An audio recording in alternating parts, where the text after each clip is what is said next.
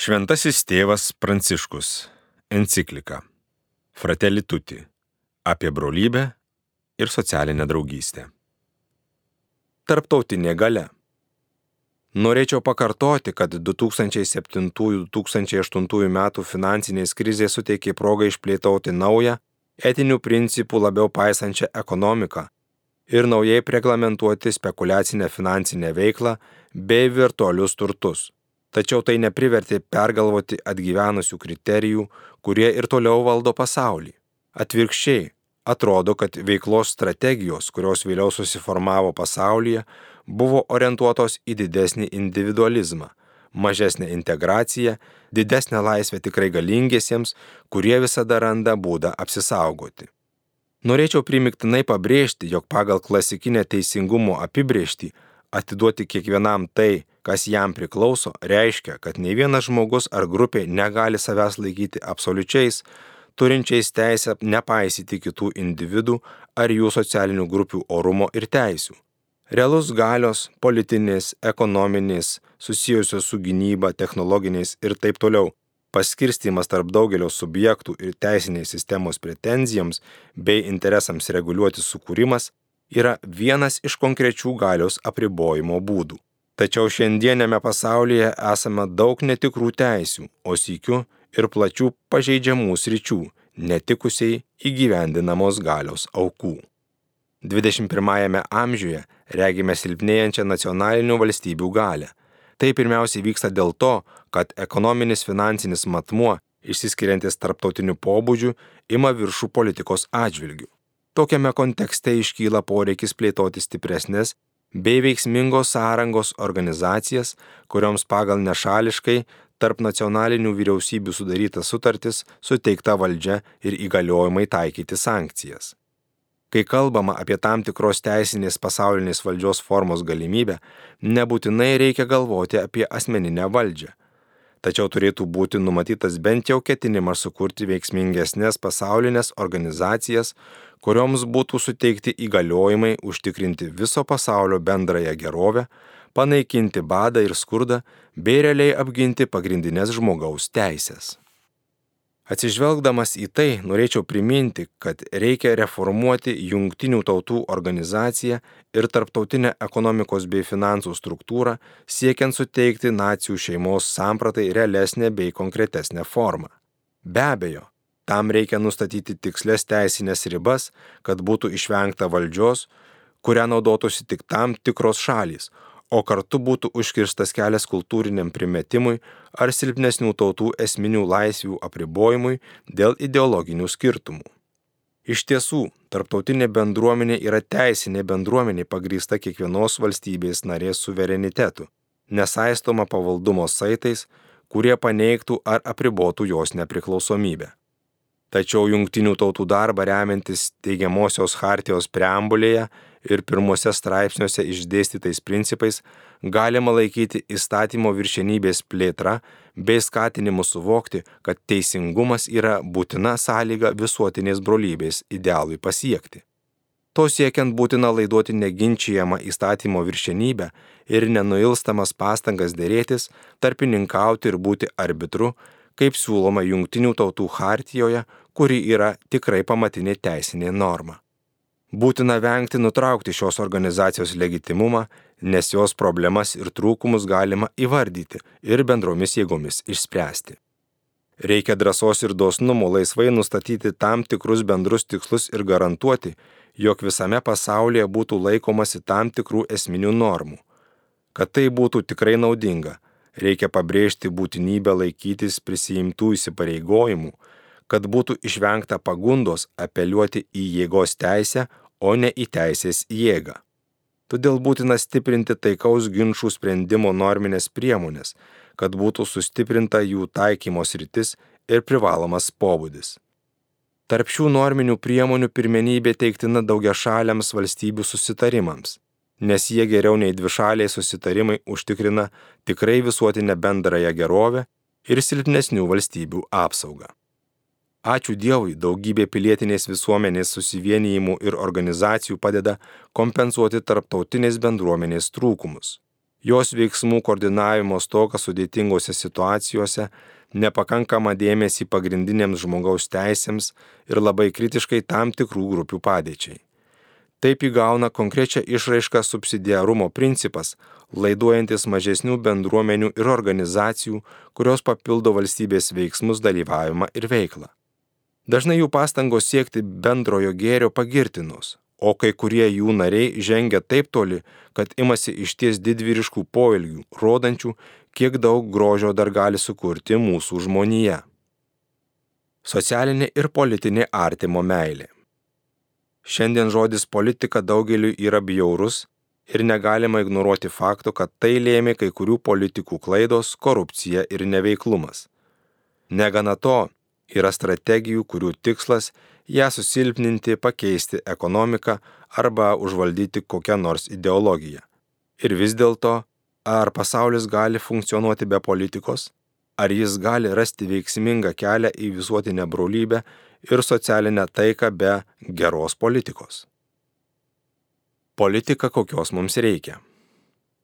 Norėčiau pakartoti, kad politika neturi būti pavaldi ekonomikai, o ši technokratijos diktatui ir į našumą orientuotai paradigmai. Nors reikia atmesti piknaudžiavimą valdžią, korupciją, neteisėtumą ir neefektyvumą, negalima pateisinti ekonomikos be politikos, nes ji negeba pasitelkti kitokios logikos įvairiems dabartinės krizės aspektams valdyti. Priešingai, Reikia politikos, kuri būtų toleregiška ir skatintų naują visapusišką požiūrį, tarp disciplininių dialogų apriektų įvairius krizės aspektus. Turiu omenyje sveiką politiką, gebančią reformuoti institucijas, koordinuoti ir kurti geras praktikas, įgalinančias nugalėti įdingą spaudimą bei inerciją. To negalima reikalauti iš ekonomikos. Taip pat negalima sutikti, kad ekonomika perimtų realią valstybės valdžią. Atsižvelgdamas į daugybę menkų politikos formų, nukreiptų į tiesioginius interesus, primenu, kad politikos didybė pasireiškia tada, kai sunkiomis akimirkomis veikiama vadovaujantis didžiaisiais principais ir galvojant apie ilgalaikį bendrąjį gėrį. Imti šios pareigos tautos projekte politiniai galiai sunkiai sekasi, o dar sunkiau bendrame dabartinės ir būsimos žmonijos projekte Mąstymas apie tuos, kurie ateis po mūsų, niekaip neprisideda prie gerų rinkimų rezultatų, tačiau to reikalauja tikrasis teisingumas, nes, kaip mokė Portugalijos viskupai, žemė yra paskola, kurią gauna kiekviena karta ir kurią turi perduoti kitai kartai. Pasaulio visuomenė turi rimtų struktūrinių trūkumų, kurių neįmanoma išspręsti užlopimais ar tik atsitiktiniais greitais sprendimais. Yra dalykų, kuriuos reikia keisti esminiais pertvarkymais ir rimtais pokyčiais. Jiems vadovauti gali tik sveika politika, įtraukianti pačius įvairiausius sektorius ir mokslinės disciplinas. Tokiu būdu ekonomika integruota į politinį, socialinį, kultūrinį bei visuomeninį projektą, kuriuo siekiama bendrojo gėrio, gali atverti kelią kitokioms galimybėms, negniaužiančioms žmogaus kūrybiškumo ir jos svajonės apie pažangą, bet nukreipiančioms tą energiją nauja kryptimi. Politinė meilė. Kiekvieną žmogų pripažinti broliu ar seserimi ir siekti sukurti visus apimančią socialinę draugystę nėra grina utopija. Tam reikia ryšto ir gebėjimo rasti veiksmingų įgyvendinimo būdų. Bet koks įsipareigojimas šią linkmę tampa kilniu artimo meilės praktikavimu. Iš tiesų pavienis žmogus gali padėti pagalbos reikalingam asmeniui, bet kai jis savo jėgą sujungia kartu su kitais, siekdamas sužadinti socialinius brolybės ir visiems skirto teisingumo procesus, jis įžengia į plačiausios artimo meilės, politinės artimo meilės sritį. Kalbama apie pažangą link socialinės ir politinės santvarkos, kurios siela būtų socialinė artimo meilė. Dar kartą kviečiu iš naujo įvertinti politiką, kuri yra be galo aukštas pašaukimas Ji yra viena iš vertingiausių artimo meilės formų, nes siekia bendrojo gėrio. Visi įsipareigojimai kylantis iš bažnyčios socialinio mokymo yra skatinami meilės, kuri Jėzaus žodžiais tariant yra viso įstatymo santrauka. Todėl reikia pripažinti, jog meilė kupina nedidelių rūpinimosi vienas kitų veiksmų taip pat yra pilietinė bei politinė ir reiškiasi veikla, kuria mėginama kurti geresnį pasaulį. Dėl šios priežasties meilė reiškiasi ne tik glaudžiais artimais santykiais, ji yra ir makro santykių, visuomeninių, ekonominių ir politinių pradas. Ši politinė meilė suponuoja subrendusi socialinį jausmą, pranokstantį bet kokį individualistinį mentalitetą. Socialinė meilė skatina mus mylėti bendrąjį gėrį ir veiksmingai siekti visų asmenų gėrio, atsižvelgiant ne tik į kiekvieną asmenį atskirai, bet ir į juos vienijantį socialinį matmenį. Kiekvienas žmogus tampa visavertis asmuo, priklausydamas tautai. Tuo pat metu nėra tikros tautos be pagarbos kiekvienam asmeniui. Tauta ir asmuo yra tarpusavie koreliuojančios savokos, tačiau šiandien asmenys bandoma paversti individais, kuriuos lengvai valdo neteisėtų interesų siekiančios jėgos. Gera politika ieško būdų, kaip kurti bendruomenę įvairiais socialinio gyvenimo lygmenimis, siekdama atkurti pusiausvyrą ir perorientuoti globalizaciją, kad būtų išvengta jos greunamojo poveikio. Veiksminga meilė. Nuo socialinės meilės galima pereiti prie meilės civilizacijos, į kurią visi galime jaustis pašaukti. Visuotiniu dinamiškumu pasižyminti artimo meilė gali sukurti naują pasaulį, nes ji yra nesterilus jausmas, bet geriausias būdas siekti veiksmingo vystimosi visiems. Socialinė meilė yra jėga galinti pažadinti naujų būdų, kaip spręsti šio laikinio pasaulio problemas ir nuodugniai iš vidaus atnaujinti struktūras, socialinės organizacijas ir teisinės sistemas. Artimo meilė yra kiekvieno sveiko ir atviro socialinio gyvenimo pagrindas. Nepaisant to, šiandien nesunku paskelbti, jog meilė nesvarbi moraliniai atsakomybei aiškinti bei ugdyti. Ji yra daug daugiau nei subjektyvus sentimentalumas. Jei ją lydi įsipareigojimas tiesai, apsaugantis nuo tapimo lengva individo atsitiktinių jausmų bei nuomonių auka. Būtent santykis su tiesa palaiko artimo meilės universalumą ir taip apsaugo ją nuo ištrėmimo į ribotą ir privačią santykių plotmę. Priešingų atveju ji bus išvyta iš visuotinai reikšmingos žmogiškojo vystimosi plėtotės, puoselėjant dialogą tarp žinių ir praktikos planų bei procesų be tiesos jausmų pasaulis praranda visą savo santykių ir socialinio gyvenimo turinį.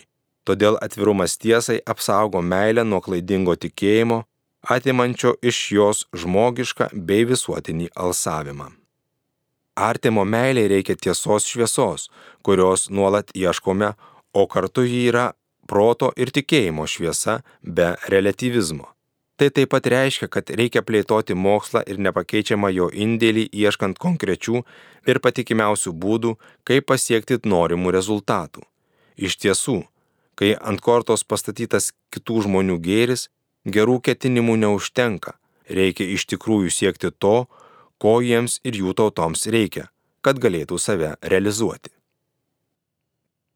Skaitė Remigijus Endriukaitis.